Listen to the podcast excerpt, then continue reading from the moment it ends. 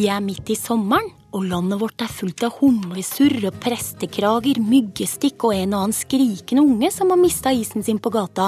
Og landet, som lå så stille og dødt under snøen, har våkna til liv.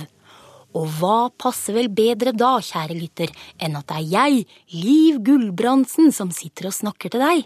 Jeg har én time, og hadde jeg vært grei, så hadde jeg kanskje snakka nettopp om sommeren. Jeg hadde slengt inn et barndomsminne fra hytta eller campingplassen, kanskje fortalt en historie om en kattepus jeg møtte på en kjerrevei, men så grei er jeg ikke.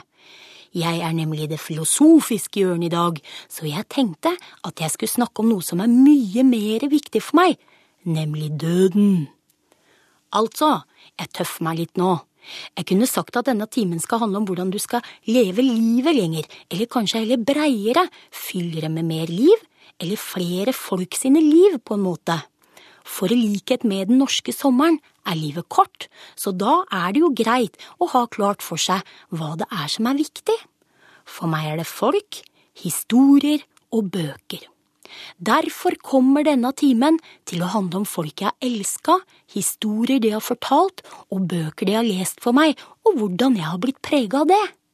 Og siden vi er bestevenner denne timen, håper jeg du kommer til å kose deg sånn helt passe. Jeg har og har hatt mange bestevenner. To av dem var bestemødrene mine. Dem het Marit og Helga og hadde hvitt hår hele livet mitt. Begge var av den typen som aldri slutta å være engasjert i den verdenen og den tida de levde i, og sjøl om vi var født på hver vår side av samme århundre, hadde vi alltid ting å snakke om. Det var ikke vanskelig. Begge var født og oppvokst på gård, og flytta til byen, den ene for å studere ernæring, den andre for å jobbe på fabrikk. Begge var flinke historiefortellere. Marit kunne fortelle historier fra Trøndelag om sauen som vokste opp inne på kjøkkenet sammen med hunden deres Solon, som endte opp med å tro den var hund. Den ble en vaktsau og bæa når det kom folk. Den kunne sitte også og gi labb. Vi vokste opp vegg i vegg. Hun fortalte om grandtanta si Ebba også som hun måtte flytte til da hun skulle gå på skole. Da hun kom til tante Ebba, hadde hun bare med seg klærne sine og en stor pute. Den puta hadde søstera hennes Kari sydd, så Marit hadde noen å holde rundt om natta. Hun hadde aldri sovet aleine før og gråt inn i puta hver natt og ville ikke stå opp. Etter en uke slo tante Ebba døra til rommet hennes opp og sa at nå var det på tide å ta seg sammen, livet var for kort til å gråtes bort. Tante Ebba hadde ikke egne barn, men drev et barnehjem for taterunger, hun var en spesiell dame. De hadde epletrær i hagen, og innimellom så kom det epletjuver. Mannen til Ebba ville skaffe seg vaktbikkje. Det mente Ebba ikke gikk an. Hun ville ikke ha noen bikkje som skulle jage folk. Da ville hun heller la være å ha epletrær. Om natta tok hun med seg Marit ut, og sammen så sagde de ned epletrærne. Seinere så gjorde hun det samme med flaggstanga da hun ikke fikk flagge på 1. mai. Sjøl om tante Ebba hadde sagt at Marit ikke skulle kaste bort livet sitt på å telle tårer, slutta ikke Marit å gråte. Vi gråt mye sammen, mest når vi lo, eller når hun leste for meg. Det var et mareritt. Sissel Siserk har jeg aldri hørt ferdig, for da hver gang Marit kom til det stedet i boka hvor mora til Sissel døde, gråt Marit så masse at det var umulig å høre hva hun leste mellom hulk og snøft. Jeg og søstera mi trøsta og klappa de krøllete håret og sa Marit da, det er jo bare en bok. Nei, sa Marit, det er det ikke, det er ikke bare en bok, det er mange som har det sånn på ordentlig. Den siste kvelden vi snakka sammen, så virka hun trist. Hun hadde lest om Israels bombing av barn i Palestina. Vi snakka sammen om det, og hun fortalte om de to brødrene som hun hadde mista i ung alder. Det var en sorg hun hadde båret gjennom hele livet. Hun sa at det var rart hva mennesker er i stand til å tåle, at hun trodde hun ville dø av den sorgen over brødrene, men at hun ikke gjorde det. Hun var laga for å tåle det. Men mammaene i Palestina, sa hun, det å være gravid i et land som blir bomba av en supermakt, det er vi ikke laga for å tåle, det er uutholdelig. For å prøve å få henne lysere til sinns spurte jeg om hvor hun møtte bestefaren min, og vi snakka litt om det. Og så fortalte hun om hvordan det er å bli gammel og usynlig. Hun sa, du veit at man tenker jo aldri at ens besteforeldre har elsket i et portrom, men det er klart vi har. Jeg lo beskjemma og sa at jeg skulle komme innom neste dag så vi kunne spise frokost sammen. Det fikk vi aldri gjort, for da jeg kom til huset hennes neste morgen, lå hun på gulvet. Hun hadde fått slag. I armene holdt hun en bunke brev, det var kjærlighetsbrev bestefar hadde skrevet til henne 70 år før. Jeg sang for henne til ambulansen kom og fortalte om blomstene som hadde sprunget ut i hagen. Det siste ordet hun sa, var krokus. Fortsatt tar jeg meg i å slå nummeret hennes når det har skjedd noe viktig og jeg hører stemmen hennes inni meg når jeg leser om eller møter flyktningene fra Syria, de som mister noe nå, og som ønsker en framtid for barna sine. Jeg unner dem plass i landet jeg bor i, og en framtid der de kan le sammen med bestemødrene sine til de gråter. Den andre bestemora mi het Helga. Hun var en av 14 søsken og vokste opp på bygda på 30-tallet. Det var ikke en god tid for de mange menneskene i Norge. Lykken for bestemor var å komme til Oslo og jobbe på fabrikk, tjene egne penger og slippe å jobbe som tjenestejente i de rikes hus, ha arbeidstid, men enda viktigere, fritid. Bestemor elska å lese, særlig eventyr, hun lærte seg dem utenat. Hun dro en stol inntil min og fortalte lange historier. Vi to hadde en felles kjærlighet for historier om dyr, og vi sympatiserte alltid med de dyra som var dumme de som blir lurt. For eksempel den om bjørnen som blir lurt av reven til å stikke halen ned et hull i isen og vente. Når det biter, så skal du rekke til, sa reven, og bjørnen så gjorde. Når det begynte å bite, så dro han til, men det var isen som frøys fast rundt halen til bjørnen som beit, ikke fisken, så da han røkka til, mista han en del av halen. Sånn fikk bjørnen kort hale. Da historien var fortalt, satt vi stille en stund, og så så bestemor alvorlig på meg og spurte, Hva syns du egentlig om den reven? Jeg syns han var en dritt. Bestemor var enig. Tenk å lure andre, det var ikke snilt. Bestemor Helga snakka med alle dyr. En gang under krigen gikk bestemor forbi to nazioffiserer til hest. Så vidt jeg har skjønt, var det en ansamling av folk i en matkø som protesterte mot noe, og nå hadde disse nazioffiserene satt seg fore å spre folk ved å ri inn i mengden. Hestene var uvillige, og offiserene brukte pisk. Det er unaturlig for hester å tråkke på folk, har bestemor fortalt meg. Hun syntes det var gærent. Mot folka, men særlig mot dyra. Resolutt gikk hun inn mellom hestene og greip et bissel i hver hånd. Rolig, sa hun, bare rolig, og hestene roa seg. Det gjorde ikke offiserene, de heva pisken mot bestemor, men da så hun dem strengt inn i øya og sa, du kan bare slå, jeg viker ikke.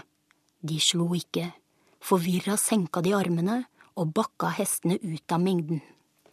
Det må ha vært litt av et syn, en slank dame med hatt som holder hester og offiserer i sjakk. Bestemor elska også å synge og danse. Hun hadde ikke stereoanlegg eller platespiller, hun trengte det ikke, for hun hadde radio og kunne synge sjøl. Hun prøvde å lære meg danser hun mente jeg kunne briljere med seinere i livet, når jeg ble tenåring, for eksempel dansen til hiten fra 40-tallet som gikk sånn Valencia, hvorfra har du fått de korte skjørter og de lange legger fra? Valencia, det var mange lange skritt og krappe svinger. Bestemor leda og holdt meg under armene, og jeg mer enn fløy enn gikk over stuegulvet og nærmest lå vannrett i svingene. Vi stoppa ikke før jeg slo ned lampa på TV-en med hælen. Da jeg var gravid med mitt første barn, dro jeg og bestemødrene mine på ferie til en hytte i Risør. Begge to gleda seg over det nye livet som skulle komme, og begge to var ganske skrollete beins. De var jo nesten 80 år på den tida. De mente det var bra de var med meg på ferie, så de kunne passe på litt, for eksempel når jeg skulle bade. De var enige om at det måtte skje under deres tilsyn, i tilfelle jeg fikk krampe eller noe, så de kunne hoppe ut i vannet og redde livet mitt. Jeg blir ganske sur. Jeg mente det var invaderende og at jeg kunne klare meg sjøl. Jeg tenkte at det siste jeg trengte hvis jeg fikk krampe, var at to gamlinger på nesten 80 år skulle hoppe uti det kalde vannet. Gud veit hvordan det ville ha gått. Da ble bestemor Helga streng. Ta deg sammen, sa hun. Det er ikke deg nå. Det er aldri bare deg fra nå. Jeg kan fortsatt høre stemmen hennes. Når jeg får lyst til å syte og klage, for eksempel, når jeg glemmer at jeg har to friske barn, og at jeg bor i et land i fredstid, eller at jeg en gang hadde to gamle bestemødre som satt på brygga og elska meg. En annen som likte å lese for meg, var faren min. Han mente at det ikke var noen grunn til å ta hensyn til alder når man valgte lesestoff, så lenge man valgte noe som var spennende og bra. Den røde pimpernell, for eksempel, alt av science fiction, og selvfølgelig alle bøkene om mesterdetektiven Sherlock Holmes. I barnehagen tegna jeg, inspirert, svære bilder av hunden fra Baskerville med flammende kjeft som løp etter skrikende folk. Sjøl, nå som voksen, tror jeg faren min tok feil. Jeg har alltid vært forferdelig redd for hunder, jeg skylder på han for det. Hvis han leste barnebøker for oss, handlet det om barn som var frie og rampete, Madikken for eksempel, Emil, han ville, faren min altså, at barn skulle være fri.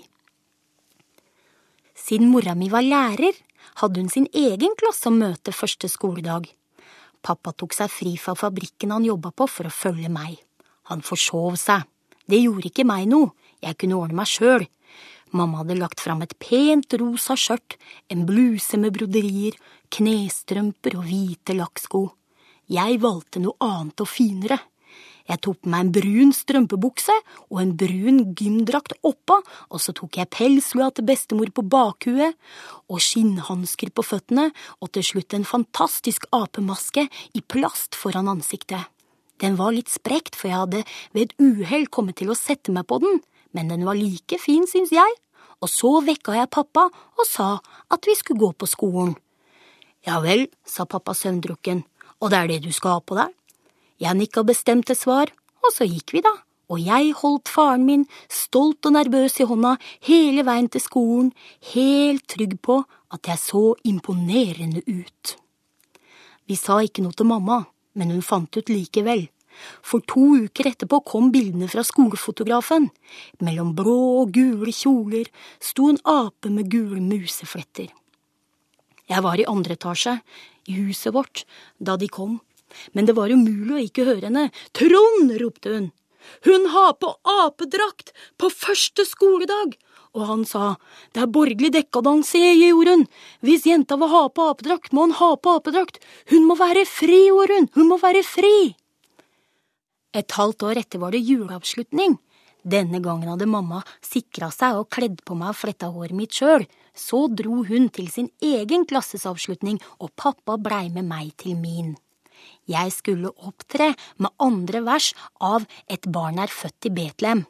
Akkurat det er litt rart, for foreldra mine var blant de foreldra som krevde livssyn for meg, og jeg var tatt ut av kristendomsundervisninga. Da er det jo litt merkelig å velge at akkurat deres datter skulle synge en såpass religiøs sang. Det kan ha noe med å gjøre at læreren vår var tidligere misjonær. Jeg husker hvordan jeg følte meg fin på scenen hvordan frøken spilte introen til mitt vers, og hvordan jeg tok ett skritt ut på kanten, sånn vi hadde øvd på. Jeg åpna munnen for å synge, og så gikk det i svart. Jeg huska ingenting. Frøken venta litt, nikka til meg, og så spilte hun opp på ny. Men jeg var fortsatt helt blank, så jeg tok en annen sang. Jeg åpna munnen, kremta litt, og så sang jeg. Anna fra Kløfta, hei! Du lærte mye av deg, du sa som det var, og det syns jeg er bra, og nå kan jeg gjøre noe sjøl, gjøre noe sjøl. Det var en sang om Anna som lagde fagforening på fabrikken, som foreldra mine pleide å spille fra en av Mai-platene den sommeren hjemme hos oss. Jeg husker hvordan det så ut foran meg når jeg var ferdig, hvordan henda til frøken hang stille over klaveret, hvordan alle de voksne satt med litt sånn halvåpen munn. Så reiste faren min seg, og med én neve i været ropte han, Det er dattera mi! Da faren min døde, etterlot han seg en boksamling på nesten 70 000 bøker. Det er en fantastisk arv. Men en enda viktigere arv er den sterke følelsen han planta i meg, at det er helt nødvendig å gjøre ting på sin egen måte, la de andre prate og være fri. Hei, dette er Liv Gulbrandsen, og til nå har jeg snakka om folk som har lest for meg og fortalt historier om dem. Og veit du hva? I dette vidunderlige og rare landet vårt finnes det nesten en million voksne folk som av forskjellige grunner har problemer med å lese en vanlig bok. Dette er ikke uintelligente eller dumme mennesker. De kan ha problemer med synet, for eksempel. Eller de kan eh, lese på mange språk, men ikke på norsk. Og så er det dyslektikere, sånn som jeg gjør. Eller eh, folk som kanskje bare aldri har fått en utdanning som er tilpassa dem, sånn at de kunne nyttiggjøre seg av Og så er det folk med downs eller annen type utviklingshemming, og så er det folk med demens. Men veit du hva? I dette vidunderlige og rare landet vårt finnes det nesten 1500 folk som leser høyt for andre hver uke. Helt frivillig. De leser i fengsel og på skoler og asylmottak og andre steder. Det er folk som mener at alle skal ha rett til å lese en god bok, og kan du ikke lese, så skal jeg lese for deg. Disse menneskene kalles leseombud, for det er det de er leseombud, og jeg har møtt mange av dem. Noen av dem har nettopp begynt, og noen av dem har holdt på i over 30 år, og når jeg spør hvordan de klarer å holde på så lenge, så forteller de at de elsker å dele historier, og de elsker å få noen tilbake også. De forteller at noen gang er det vanskelig, når det er vinteren og du nettopp har kommet hjem inn i varmen etter jobb, og så må du gå av sted med boka di med tunge skritt gjennom snøen men så møter de menneskene de leser for, og så prater de sammen og ler, og når de går hjem, er beina spretne og glade, for de har hatt det bra, de har gitt, og de har fått. Og de forteller historier om bøker som endrer liv, om folk i fengsel, for eksempel, som etter å ha lest for en stund, spør om den kanskje kan få noe å lese sjøl, og det som skjer da, når de begynner å lese. En tok kontakt med unga sine, for som han sa, du veit, det er ikke så mye som skjer i fengsel som du har lyst til å fortelle til barna dine, men hvis du kan lese, så kan du dele de historiene som er i bøkene, og se på bilder og sånn, og så kan vi være sammen der. Og plutselig så gjorde boka det mulig å være far sjøl om du var i fengsel. Jeg kaller det bokkraft. Det er det som skjer når menneskets historier, gjerne fortalt med bokstaver i bøker, forandrer folks liv. Og alle er viktig. Jeg veit om en dement dame som elsker lesestundene der hun bor. Hver uke legger hun fram tøy, bluse, skjørt og perlekjede, og så teller hun dagene ned til høytleseren skal komme, for det husker hun.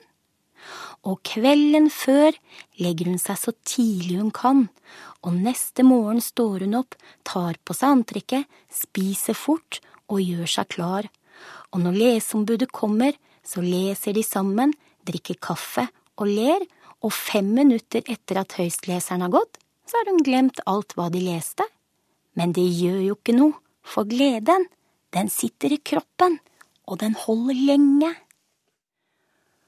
Kanskje er det fordi jeg alltid har blitt lest for av folk i familien min at jeg er så opptatt av høytlesning, og en jeg kjenner som leser på et gamlehjem, har utvikla en helt egen metode. Jeg fikk være med å se. De begynte med å drikke kaffe, de eldre demente damene, de er gode til å skramle med kopper og slurper fra skåler. Når det er unnagjort, tar leseombudet fram en liten veske. Og ut av den tar hun et par silkestrømper, og de sendes rundt, alle får kjenne. Så tar hun fram en leppestift, og denne skrus opp og ned og prøves på og smøres på, og så tar hun fram en liten flakong med parfyme, og denne sendes også andektig rundt, det luktes, og så sier leseombudet, nå er vi fine, vi har pyntet oss, og vi har selskap, dette er en jentefest, og det er jo nettopp det det er. Det er rett og slett ikke så mange menn på eldresenter. Og så sier høytleseren, nå mangler vi bare én ting, en naken mann. og så tar hun opp boka som heter det, En naken mann. Ok, her må vi fryse bildet, for sartere lytteres skyld er jeg nødt til å forklare. Det er en veldig uskyldig bok, sjøl om den kanskje ikke høres sånn ut. Den handler om en litt tjukk og ensom mann som irriterer seg over de unge som soler seg utafor blokka hans med for lite klær. Han liker å holde seg inne og spise reker, som er det han er mest glad i, og en kveld han hadde gjort nettopp det, kommer han på at han har glemt å kaste rekeskallet i søppelsjakta, og han ligger i senga si og tenker på at det kommer til å lukte neste morgen, og til slutt så reiser han seg opp av senga og smyger seg raskt ut i gangen med posen, men akk, døra smekker igjen bak ham, og han står i gangen naken. Sånn er historien, det er ikke verre, og foran på boka er et bilde av akkurat denne mannen, naken, der i gangen med en pose med rekeskall i den ene hånda. Nå går vi tilbake til lesestunden der damene nå sitter med leppestift. Nå har vi jentefest, sier leseombudet, nå trenger vi bare en naken mann. Og da skjer det noe med tilhørerne. Latteren forandrer seg, den blir mer sånn hæ-hæ-hæ alle damer som har vært på jentefest, kjenner den latteren. Men så skjer det et mirakel. En eldre dame bøyer seg fram, og så setter hun en krokete finger midt i mannen på bildet sitt skritt og sier liten. Og pleierne på sykehjemmet begynner å gråte.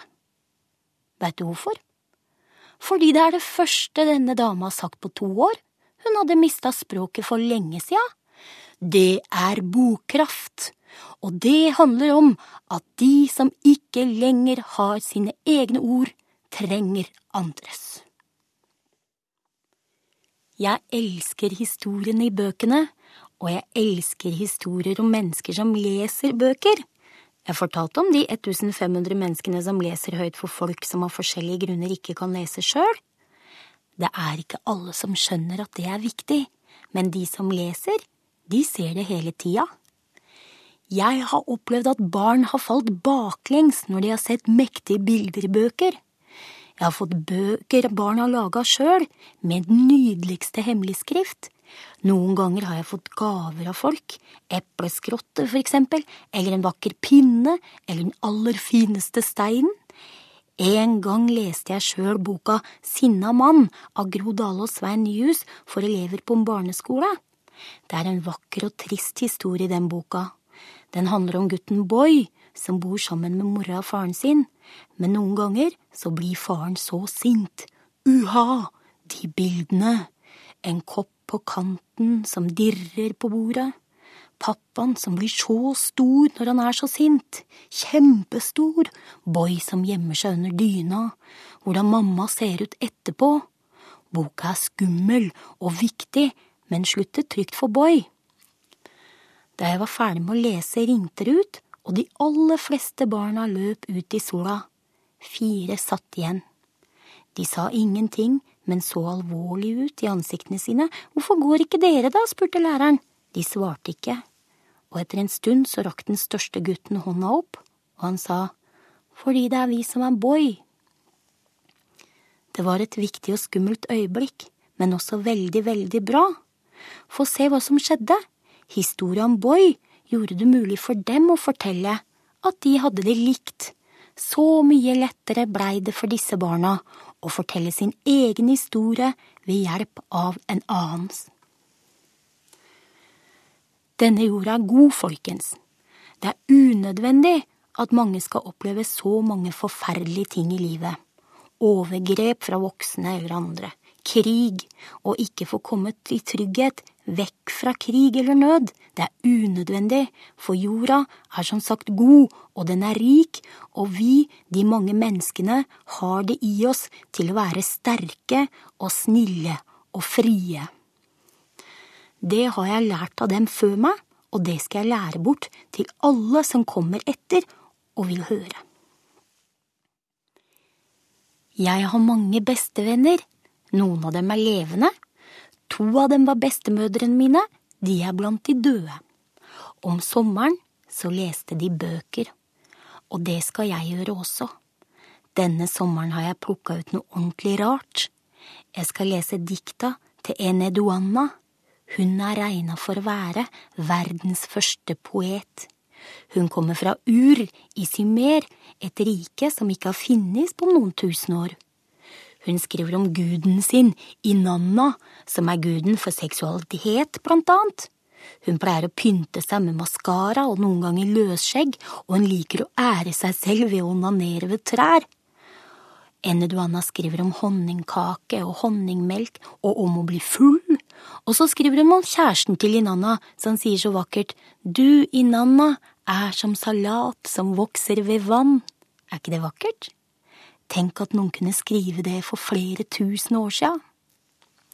Og så skriver hun om viktige evner, om evnen til å samle et folk, om et folks evne til å ha et lyttende øre. Symer, som hun kommer fra, ligger ikke langt fra der den store mengden med mennesker flykter fra nå. De som kommer hit, de er mennesker. Dette er deres historie, og også vår. Og vi må stå samla nå, folkens, og ha et lyttende øre og si kjære venner velkommen, og kanskje vi til og med klarer å spa opp en honningkake. Blir du med på det, kjære lytter, så er du som salat som vokser ved vann. Og jorda er full av bestemødre og bøker, og da kan det aldri bli for gærent. Tusen takk for at du ville høre på. For å si det med Vigdis Hjort, hopp fra tieren da, folkens, så får det heller bli mageplask, men da trenger du ikke å angre på at du ikke turte.